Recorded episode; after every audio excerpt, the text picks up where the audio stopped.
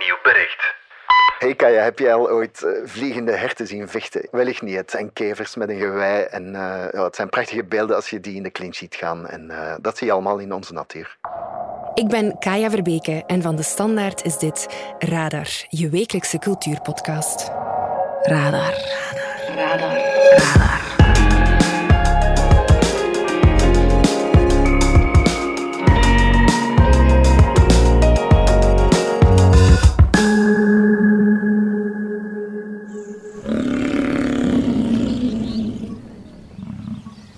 180 years ago, We kennen hem allemaal. herds of bison, millions strong, David Attenborough. grazed the great plains of North America. De Britse levende legende die ons al jaren overspoelt met zijn liefde voor de natuur. Geen steppen of toendra te ver, geen ijsvlakte te koud. David laat ons de hele wereld zien. The living world is a unique and spectacular marvel. Behalve onze natuur, het wilde België. Maar gelukkig hebben we nu onze eigen David Attenborough. Van de kleinste bloempot tot de hoogste venen. Drie jaar lang is er in het hele land gefilmd om deze serie te kunnen maken. Wim Opbroek is de stem van de nieuwe tv-reeks Onze Natuur. En in plaats van Tropical forest. A rainforest. gaat het nu Van hoog in de Ardennen tot op de laaggelegen polders van Vlaanderen, en zien we geen, Jaguar. maar wel, de kamsalamander. en die is best bijzonder. Met zijn staart wappert hij sierlijk pheromonen naar haar toe vanuit een klier aan zijn balzak. Zij zou hier erg onder de indruk van moeten zijn. Nu heb ik je aandacht, hè? De film en de reeks tonen ons al het moois dat de Belgische natuur te bieden heeft. En je denkt waarschijnlijk dat dat niet veel is. Wel, je zal verbaasd zijn. Welkom bij Radar. Radar. Radar. Radar.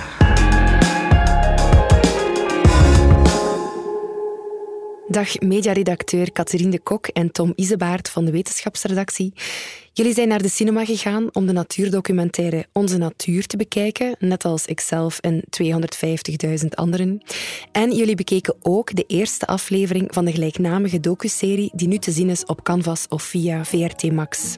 Zijn jullie ook zo verbaasd over hoeveel mooie natuur er eigenlijk in ons kleine landje te vinden is? Ja, het is wel indrukwekkend. Hè? Eh, zeker omdat we, denk ik, allemaal wel gewend zijn om prachtige beelden te zien van leeuwen op de savanne en allerlei exotische dieren in al hun pracht.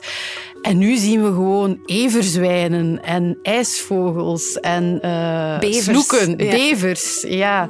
ja, dat is wel heel fijn om te zien wat er zo allemaal eigenlijk om de hoek van gevriemel, klein en groot gevriemel, allemaal, eh, allemaal leeft. Ja, en Tom, wat vond jij van de, van de docuserie en de film? Ja, inderdaad, eh, behoorlijk indrukwekkend. Het is zoals Katrien zegt, van, je wist eigenlijk niet dat het eh, in je achtertuin zich afspeelde. Hè? En dan krijg je het in, in prachtige beelden voorgeschoteld, mooi gefilmd, goed gemonteerd. Het, is, het, is, ja, het, is- het wordt een avontuur zo eigenlijk, hè? De, onze zogezegd alledaagse natuur. Dan stel je vast dat die toch niet zo alledaags is en, en dat wij in ons kleine landje dat er bij ons toch ook wel eh, wat te zien en te beleven is. En ook dat je er zo weinig over weet eigenlijk. Ik wist helemaal niks over hoe een stekelbaars eh, zijn nest maakt of wat zo'n heikikker tijdens eh, de paartijd allemaal uitsteekt. De mannetjes zijn zo opgewonden van de hormonen dat ze eerst springen en dan pas kijken wie of wat ze besprongen hebben. Bij afwezigheid van vrouwtjes springen ze op elkaar. Of op een verdwaalde pad. Geilheid maakt blind. Ja, en die heikekers die worden dus blauw als ze hitsig zijn. Hè? Hoe geiler, hoe blauwer. Heel bijzonder. Ehm, dus ja, die heikekers zijn ons sowieso al bijgebleven. Wat nog allemaal? Er waren ook best spectaculaire beelden van spinnen, waarbij die zo echt onder de grond gevolgd werden. Ook heel mooi om te zien. Ja, de bevers die aan hun burcht bouwen. Ja, ik kan zo maar doorgaan. Dat stekelbaarsje, hè, dat is een heel klein, onnooglijk visje. Heel banaal. Ik herinner mij als kind, ik heb dat nog op op gevist in de beek, in het bos, uh, in het dorp, zo gezegd.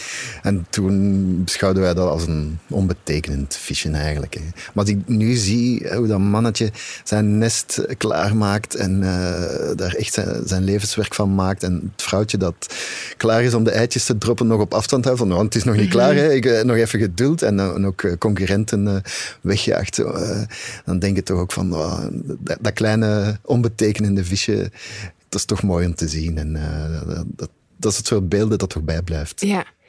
Wat mij zeker ook is bijgebleven zijn die kevers die vochten hè, om het vrouwtje. Ja, wordt wel afgevochten in de natuur. Vooral tussen mannetjes onderling om de vrouwtjes. Een klassiek verhaal, hè, Griekse tragedies. Mm op, soms op leven en dood naar het schijnt. Hè. Kevers met een gewei die elkaar te lijf gaan. Uh, ja. ja. als je het zo mooi in beeld brengt, dan, dan krijgt het allures, hè, heroïsche allures. En dan spin die ondergrond kruipt om daar een, een diep weg, wegbegraven vrouwtje te gaan vinden. Uh, ja. Het is hard werken in de natuur hè, om te overleven. Ik ben de, de film gaan bekijken met mijn twee jonge kinderen. En ik moet zeggen, ik had wel een en ander uit te leggen na al die paringsscènes. De bloemetjes en de bijtjes, ja, voilà. hè, voilà. een ideale gelegenheid. Ja. Jij, jij schreef het in je stuk, want je hebt de maker geïnterviewd. Het gaat eigenlijk echt gewoon over geweld en seks. Ja, ja ik heb uh, Pim Nieste, de cineast, gesproken. Hij zei het zelf, het is geen Disney, hè. het zijn niet lief, alleen maar lieftallige beestjes. Uh, de rauwe kant komt ook uh, ruimschoots aan bod. En natuurlijk kan je die niet wegsteken, want dat is, dat is niet helemaal de dagelijkse realiteit in de natuur. Hè. Dus Vanuit de lucht houdt een jonge visarend het water van de Schelde in de gaten. Zodra hij een vis ziet, trekt hij zijn vleugels in en laat hij zich neerwaarts glijden. Tot 70 km per uur met de klauwen vooruit. Dus die cyclus van leven en dood. Leven, overleven, voorplanten, doodgaan. Ja, eh, eh, hangt helemaal geen uh, verbloemd beeld op hè, van, van de natuur. En dat is, dat is maar goed ook. Waar ik uh, in de docu-serie ook echt wel van genoten heb, is de verteller. Dat is Wim Opbroek, hè? Ja, Wim Opbroek die doet dat heel goed. Hè. Dus die warme stem, die diepte die hij heeft, eh, die past er echt perfect bij. Hmm. Want de film, eh, de film Onze Natuur, die had Matteo Simoni als, als spreekstem. Maar als ik nu Wim Opbroek hoor, dan die neemt er dus ook zijn tijd voor.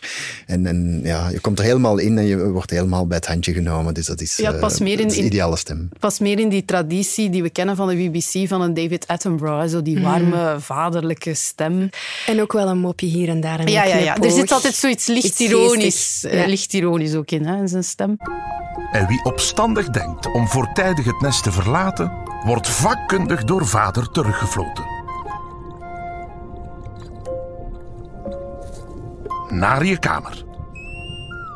Als hij het heeft over die heikikkers bijvoorbeeld, uh, de goesting spreekt bijna uit zijn stem als hij beschrijft hoe geil ze wel allemaal zijn in die pool. Ook heel entertainend, ja.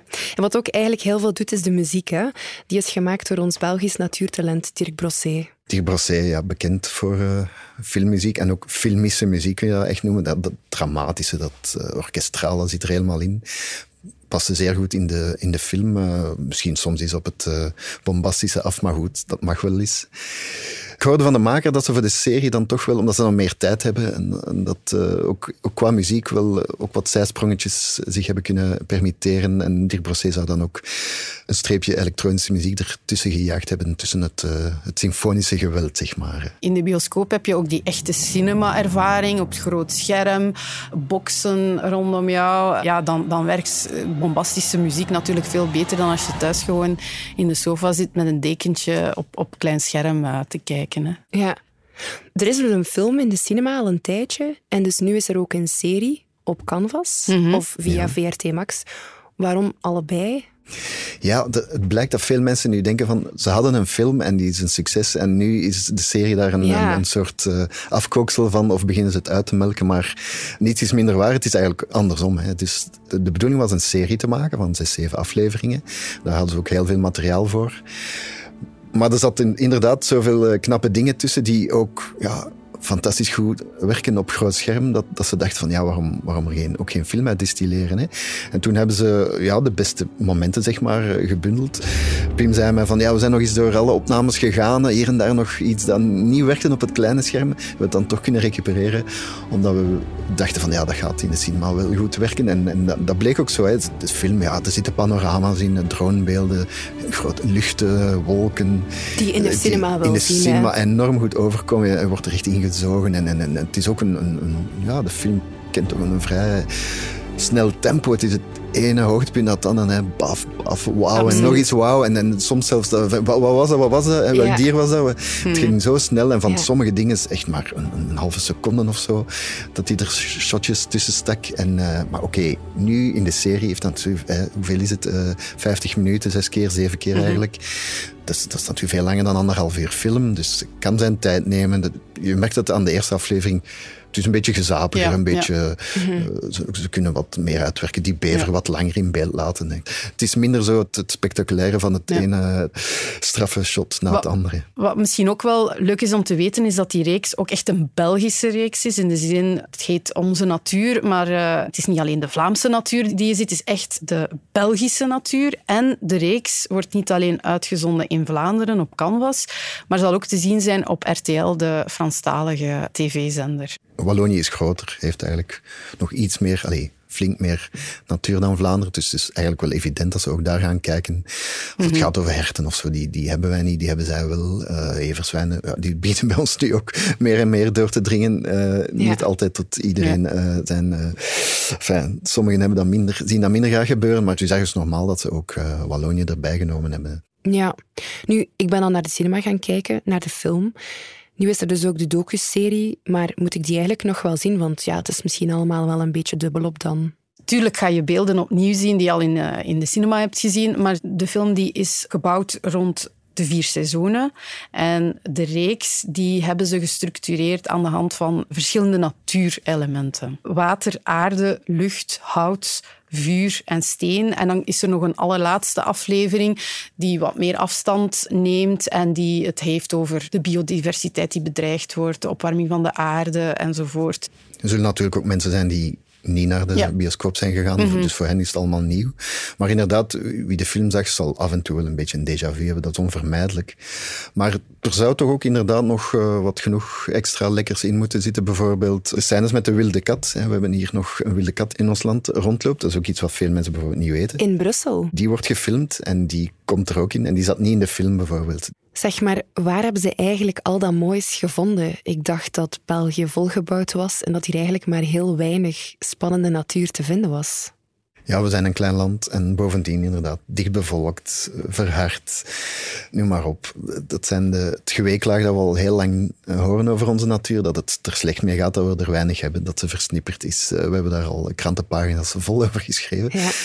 Maar inderdaad, het geeft dan een heel vreemd effect, zo'n film en zo'n documentaire reeks zien van jongen, we hebben toch nog wel aardig wat. Hè. Je moet er misschien wel lang naar zoeken, want ze hebben er hè, drie jaar aan gewerkt of zoiets. En ze hebben op zotte plekken moeten gaan bivakeren en heel lang wachten en veel geduld en veel geluk hebben. Maar ze hebben het toch wel op, op beeld kunnen vastleggen, dus het is er nog wel degelijk. Je ziet prachtige beelden van ongerepte natuur, maar tegelijk zie je ook al die fauna en flora tegen de achtergrond van menselijke activiteit. Dus dat wordt helemaal niet weggestopt dat wij hier wel degelijk tussen windturbines en uh, Trein. treinen, um, auto's, bergen afval ook soms uh, wonen. Dus het is geen romantisering, denk ik, van, van onze natuur. Dat nee, hij stelt het niet mooier voor dan nee, het is. Nee. Je vraagt je wel af hoe ze erin geslaagd zijn om dat alles te filmen. Hè. Bijvoorbeeld de heikikker waar we het al over hadden, die zijn maar drie dagen op een jaar bronstig. Ja, dan moet je toch echt wel straf voorbereid zijn om het zo goed in beeld te kunnen brengen. Hè? Ja, ze hebben gebruik gemaakt aan... Uh de, modernste en de beste apparatuur. Dezelfde die in Hollywood gebruikt heeft, vertelde Pim Neeson. Hier hadden we gekozen voor een camera, bijvoorbeeld, die voor Avatar 2 ontwikkeld was. Dus speciaal voor James Cameron. Ja, dat is een uh, top, top camera. Daarnaast hè, hadden we ook wel drones. We hebben heel vaak high-speed camera's ingezet. Hè, dat zijn de, de, camera's die de super slow-mo beelden van snel bewegende dieren kunnen registreren.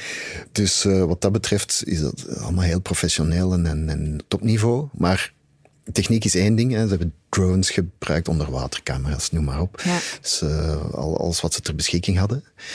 Maar techniek is maar één ding natuurlijk. Hè. Je, geduld. Je moet, moet, geduld hebben, je moet het weten, op de juiste plek gaan mm -hmm. wachten en, en, en, dan geduld hebben. En ja, daarvoor hebben ze natuurlijk een, eh, een, beroep kunnen doen op heel wat specialisten. Mensen van de overheid, van Natuur en Bos of van uh, natuurverenigingen, genre Natuurpunt. Ja. Met allemaal specialisten in, in een bepaalde soort of een bepaalde leefgebied. Die hebben gezegd van ja, daar zit het wellicht, dus we zullen het u tonen. Maar het lukt niet altijd zo goed, hè. zoals die, die befaamde blauwe heikikkers. Ja, heeft die, daarvoor is hij drie keer moeten terugkeren. Hè. Ze vertonen die kleur pas drie dagen op een jaar. Ja. En als het dan niet lukt, ja, moet je gewoon een jaar wachten. Hè. Dus ja. uh, om maar te zeggen hoe, wat een geduldoefening dit is geweest. Dus die dieren zijn ook gewoon hun ding aan het doen en ik moet me daarop aanpassen. En soms doen ze hun ding niet. Ja, en natuurlijk, na dat lange wachten, als dan uiteindelijk je geduld beloond wordt en je die actie krijgt in het mooie licht, in de perfecte plek, op de goede afstand, ja, dat gevoel is onbeschrijfelijk. Inwendig borrel je dan. Hè. Dat was dus Pim Niesten, de maker. Tom, kan jij nog iets meer vertellen over hem? Pim is een jonge veertiger, een heel gedreven man. Hij is dus zowel bioloog als filmmaker. Uh, wist al van jongs af aan dat hij dat wou doen, die twee combineren. En hij doet het dus nu al jaren. Bizar genoeg, vooral in het buitenland. Hè. Hij heeft voor BBC gewerkt, National Geographic, Duitse zenders. Hij heeft overal gezeten, Afrika, Galapagos-eilanden. Maar in eigen land, ja, was het er nog nooit van gekomen. En, en hij wou het eigenlijk altijd wel doen. Het was ergens een, een droom die hij had, die hij echt wou waarmaken. Maar hier lukte dat nooit. Er was geen interesse, geen geld, geen ja, tijd. Heeft het ook niet te maken met vooroordelen? Dat mensen inderdaad denken, ga, wat valt er nu bij ons te Ja, te wellicht wel. Hè. Misschien uh, zullen mm. veel mensen gedacht hebben, onze natuur, dat is, dat is, ja. dat is niks speciaals. We, gaan daar ons centen niet in steken. Ja. En, ja, maar dan moet er toch ergens een, een kentering gebeurd zijn. Ineens krijg je dan wel voorstellen. Hij verwijst dan naar een Nederlandse film over uh, er is een hele mooie de Nederlandse natuur. Ja, over een, een befaamd natuurgebied in, in het midden van Nederland. Niet zo ver van Amsterdam trouwens. En ook die film, De Nieuwe Wildernis, zit vol dierengeluiden. We luisteren even naar een stukje uit de trailer.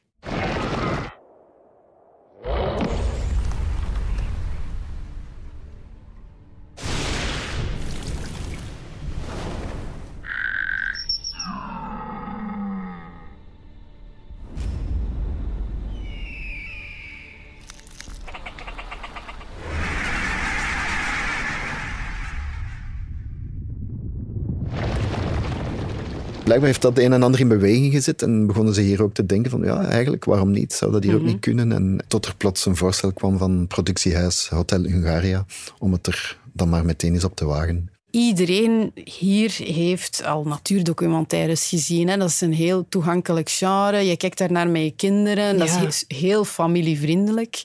Ondanks, uh, alle Ondanks seks en geweld. van seks en geweld, inderdaad. De hele film Ehm, eigenlijk. Eh, wat mij ook opvalt aan de tv-reeks dan, is dat je natuurlijk in, in veel andere natuurdocumentaires, hè, waarbij dan inderdaad de BBC met David Attenborough zo de ultieme natuurdocumentaire is, ja, daar heb je een gids, daar heb je een mens die zo echt in beeld komt. En hier heb je dat dus niet. Hè. Het Enkel is de natuur. Enkel Ja, de natuur de die de hoofd- eigenlijk. Ja, ja, die de hoofdrol spelen.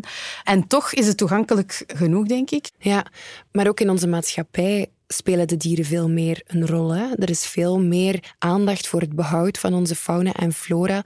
Er is eigenlijk veel meer draagvlak voor een documentaire als deze. Je ziet dat ook in, in, in de politiek, hè, dat er heel veel gepraat wordt over we moeten herbebossen, we moeten Mhm. iets doen om de, de natuur die we nog hebben te beschermen. We Ja. moeten, de biodiversiteit is, is, is eh, een hot topic geworden. Eh, De wereldleiders vergaderen daarover, de camera's zitten daarop. Eh, Het is nog misschien niet zo van dezelfde allure als de aandacht die het klimaatprobleem krijgt, maar soms scheelt het niet veel. Dus er is, er- dat bewustzijn is gegroeid, die aandacht is gegroeid, die urgentie is er nu ook van eh, kijk eens wat we hebben, wat, hoe mooi het is, hoe, hoe, hoe nodig ook vaak. En, en dat, we, ja, dat we er iets moeten aan doen. En wellicht past het feit dat zo'n film of zo'n documentaire reeks nu wel kan ook een beetje in die, in die veranderende tijdsgeest. Ja, mensen zijn er ook mee, echt in hun dagelijkse leven meer mee bezig. Hè. Uh, ze proberen hun, hun, tuin, denk ik, klimaatvriendelijker te maken, zijn zich meer bewust. Dus ik denk, ja, dan, dan wil je ook wel weten van, tja, uh, die vogel die daar nu in uh, mijn appelboom zit, wat is dat eigenlijk? Ja, want vogelgidsen gaan als zoete broodjes ja. over de toonbank. Er zijn podcasts over vogels, kijken naar vogels. Plus, plus, wat ook denk ik een rol heeft gespeeld, is, is de coronacrisis in die zin dat mensen gingen massaal wandelen. Hè? Massaal ja. wandelen. Waar? Niet, niet in het buitenland, maar in hun achtertuin. In een, ja, in een buurt. Ja. Dus ik, ik denk dat dat ook wel uh, heeft meegespeeld in die focus op echt die, die lokale natuur herontdekken. Of deze documentaire reeks activistisch is, daar hebben we het straks over. Maar ik heb eerst nog even heel belangrijk nieuws van zijn wieg over zijn gangsterjaren, bloedige overvallen, geldtransporten, ontvoering van een ex-premier, de ontsnapping van de eeuw. Philippe Lacroix krijgt de doodstraf. Tot zijn leven nu als vrij man. Hoe wordt iemand wie hij geworden is? Philippe Lacroix, brein van de bende Hamers, vertelt voor het eerst zijn hele verhaal. Lacroix, ik was gangster. Podcast van de Standaard. Vanaf 21 januari in de app DS Podcast of op uw favoriete podcastplatform.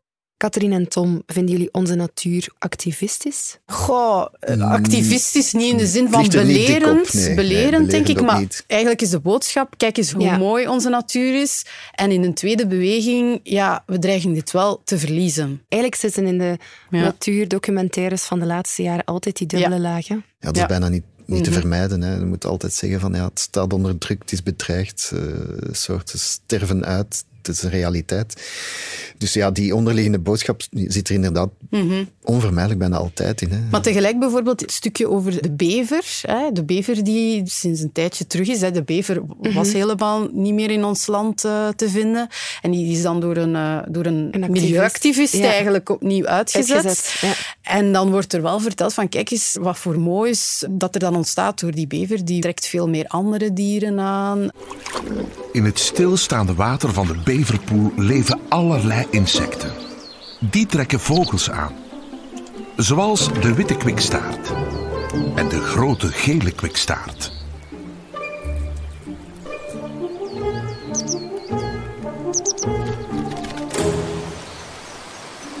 Maar ook vissen. Forellen springen hier vlieghappend uit het water. Dieren voor wie amper nog betrouwbare leefgebieden bestaan, vinden aan de beverpoel een thuis. Waar bevers bouwen, verandert en versterkt al het leven. Dus het is zeker niet alleen van uh, het einde van onze natuur of zo. Dat helemaal niet. Het is, het is niet zo pessimistisch, maar nee. er zit wel ja, zeker een, een, een boodschap in van uh, jongens, het is echt wel vijf voor twaalf. Maar op een hele subtiele manier. Hè? Het is eigenlijk door het te tonen hoe mooi het is, dat we vanzelf zoiets hebben van oei, we mogen dat toch niet kwijtraken. Ja, hmm. Het is eerst het, inderdaad het tonen hoe mooi en waardevol en hoe rijk het allemaal is. En, en dan in tweede instantie van... En we moeten toch wel een beetje opletten wat we doen. Hoe we mm-hmm. omspringen met die natuur, dat we ze toch zien dat we het, ja, het is uh, niet, niet, te grabbel gooien. Het is natuurlijk ja. zo, als, als een David Attenborough smeltende gletsjers toont, ja, is dat natuurlijk iets spectaculairder. dan dat speelt ook mee, ja. Ja, bij ons ja, gaat het dan over de kamsalamander die mogelijk zal verdwijnen. Ja, dat is natuurlijk... Uh, ja. Maar ook een heel mooi dier, ja, precies. Ik vond het ook echt leuk. prachtig, eigenlijk. Ja. Ja, er wordt heel veel in detail getoond ja, maar dat is zo'n dier waarvan heel veel mensen niet zullen weten dat het bestaat. Ja. Nu hebben ze hem gezien, hebben ze hem gezien hoe mooi het is, hoe een boeiend mm-hmm. leven dat hij leidt. En als iemand nu ooit zal zeggen, laten we ons met z'n allen inspannen om die salamander te redden, dan gaan mensen weten over, wie, over wat het gaat. en ze misschien zeggen, ah ja, dan wil ik ook dat hij nee. dat in leven blijft. Dus ja, ik, ik, ik, hou wel zo van die meer subtiele aanpakken. Want uh, dat, met het vingertje stoot je weer mensen af en die ja. zeggen van ja, ja, we weten het wel. Terwijl nu worden ze er een beetje met heel veel charme erin, ge, mm-hmm. erin getrokken en zeggen oh. En dan op het einde komt dan ja, de, de conclusie van laten we toch maar ons best doen dat, dat dit niet verloren gaat. Die laatste zevende aflevering. Daar wordt wat meer afstand genomen, uh, wat meer uitgezoomd. En daar uh, gaat het over ja, de biodiversiteit die achteruit gaat, het effect van de opwarming van de aarde. Er komen een aantal experts praten daarover. En dan ga je ook zien hoe de reeks eigenlijk gemaakt werd en welke inspanningen de ploeg heeft moeten leveren om die beelden uh, te kunnen maken. Ja, Maar dus eigenlijk het overgrote deel van die tv-reeks, dat zijn gewoon hele mooie beelden van onze natuur. Ja, beelden van dichtbij, maar ook veraf. Ik heb al zin om de andere afleveringen te bekijken en mij verder te laten verbazen over onze mooie natuur in toch ons klein landje. Tom en Catherine, dank jullie wel. Graag gedaan. Graag gedaan. En ik heb hier nog een extra cultuurtip voor jou. Radar. De tip komt deze week van. Geert van der Speten, redacteur cultuur. Wat is jouw tip? De tentoonstelling An Apple Can't Be Tired van Pieter Jennis in Bipart Kortrijk. En waarom? Ja, Pieter Jennis behoort tot een jonge generatie van schilders eh, die figuratief te werk gaan. Uh, genre Bent Eikermans, uh, Bent Sletsens, Floris van Look. Hij is van dat groepje bij uitstek de verhalenverteller. Hij grasduint een beetje in onze kunstgeschiedenis, vooral dan eh, de jaren dertig van het Vlaams expressionisme, maar geeft er een eigen hedendaagse interpretatie aan. Hij gebruikt een historisch element, maar dat dient alleen als brandstof om zijn verbeelding op gang te maken, die eigenlijk wel heel speels is. Folklore, film, de springerige logica van kinderverhalen typeert een beetje zijn werk. Maar vooral ook, hij is een typische schilder waarbij de verflaag heel fysiek voelbaar is. Hij zei daarover, ik schilder graag berken omdat ze zo'n mooi excuus bieden om in de verf te krassen. En dat zie je ook, eh, zijn werk is heel tactiel, de verflagen liggen er dik op. Een aanrader. Pieter Jennis, Een Apple Can Be Tired, tot 12 maart in B-Part, Kortrijk. Bedankt voor jouw bijdrage.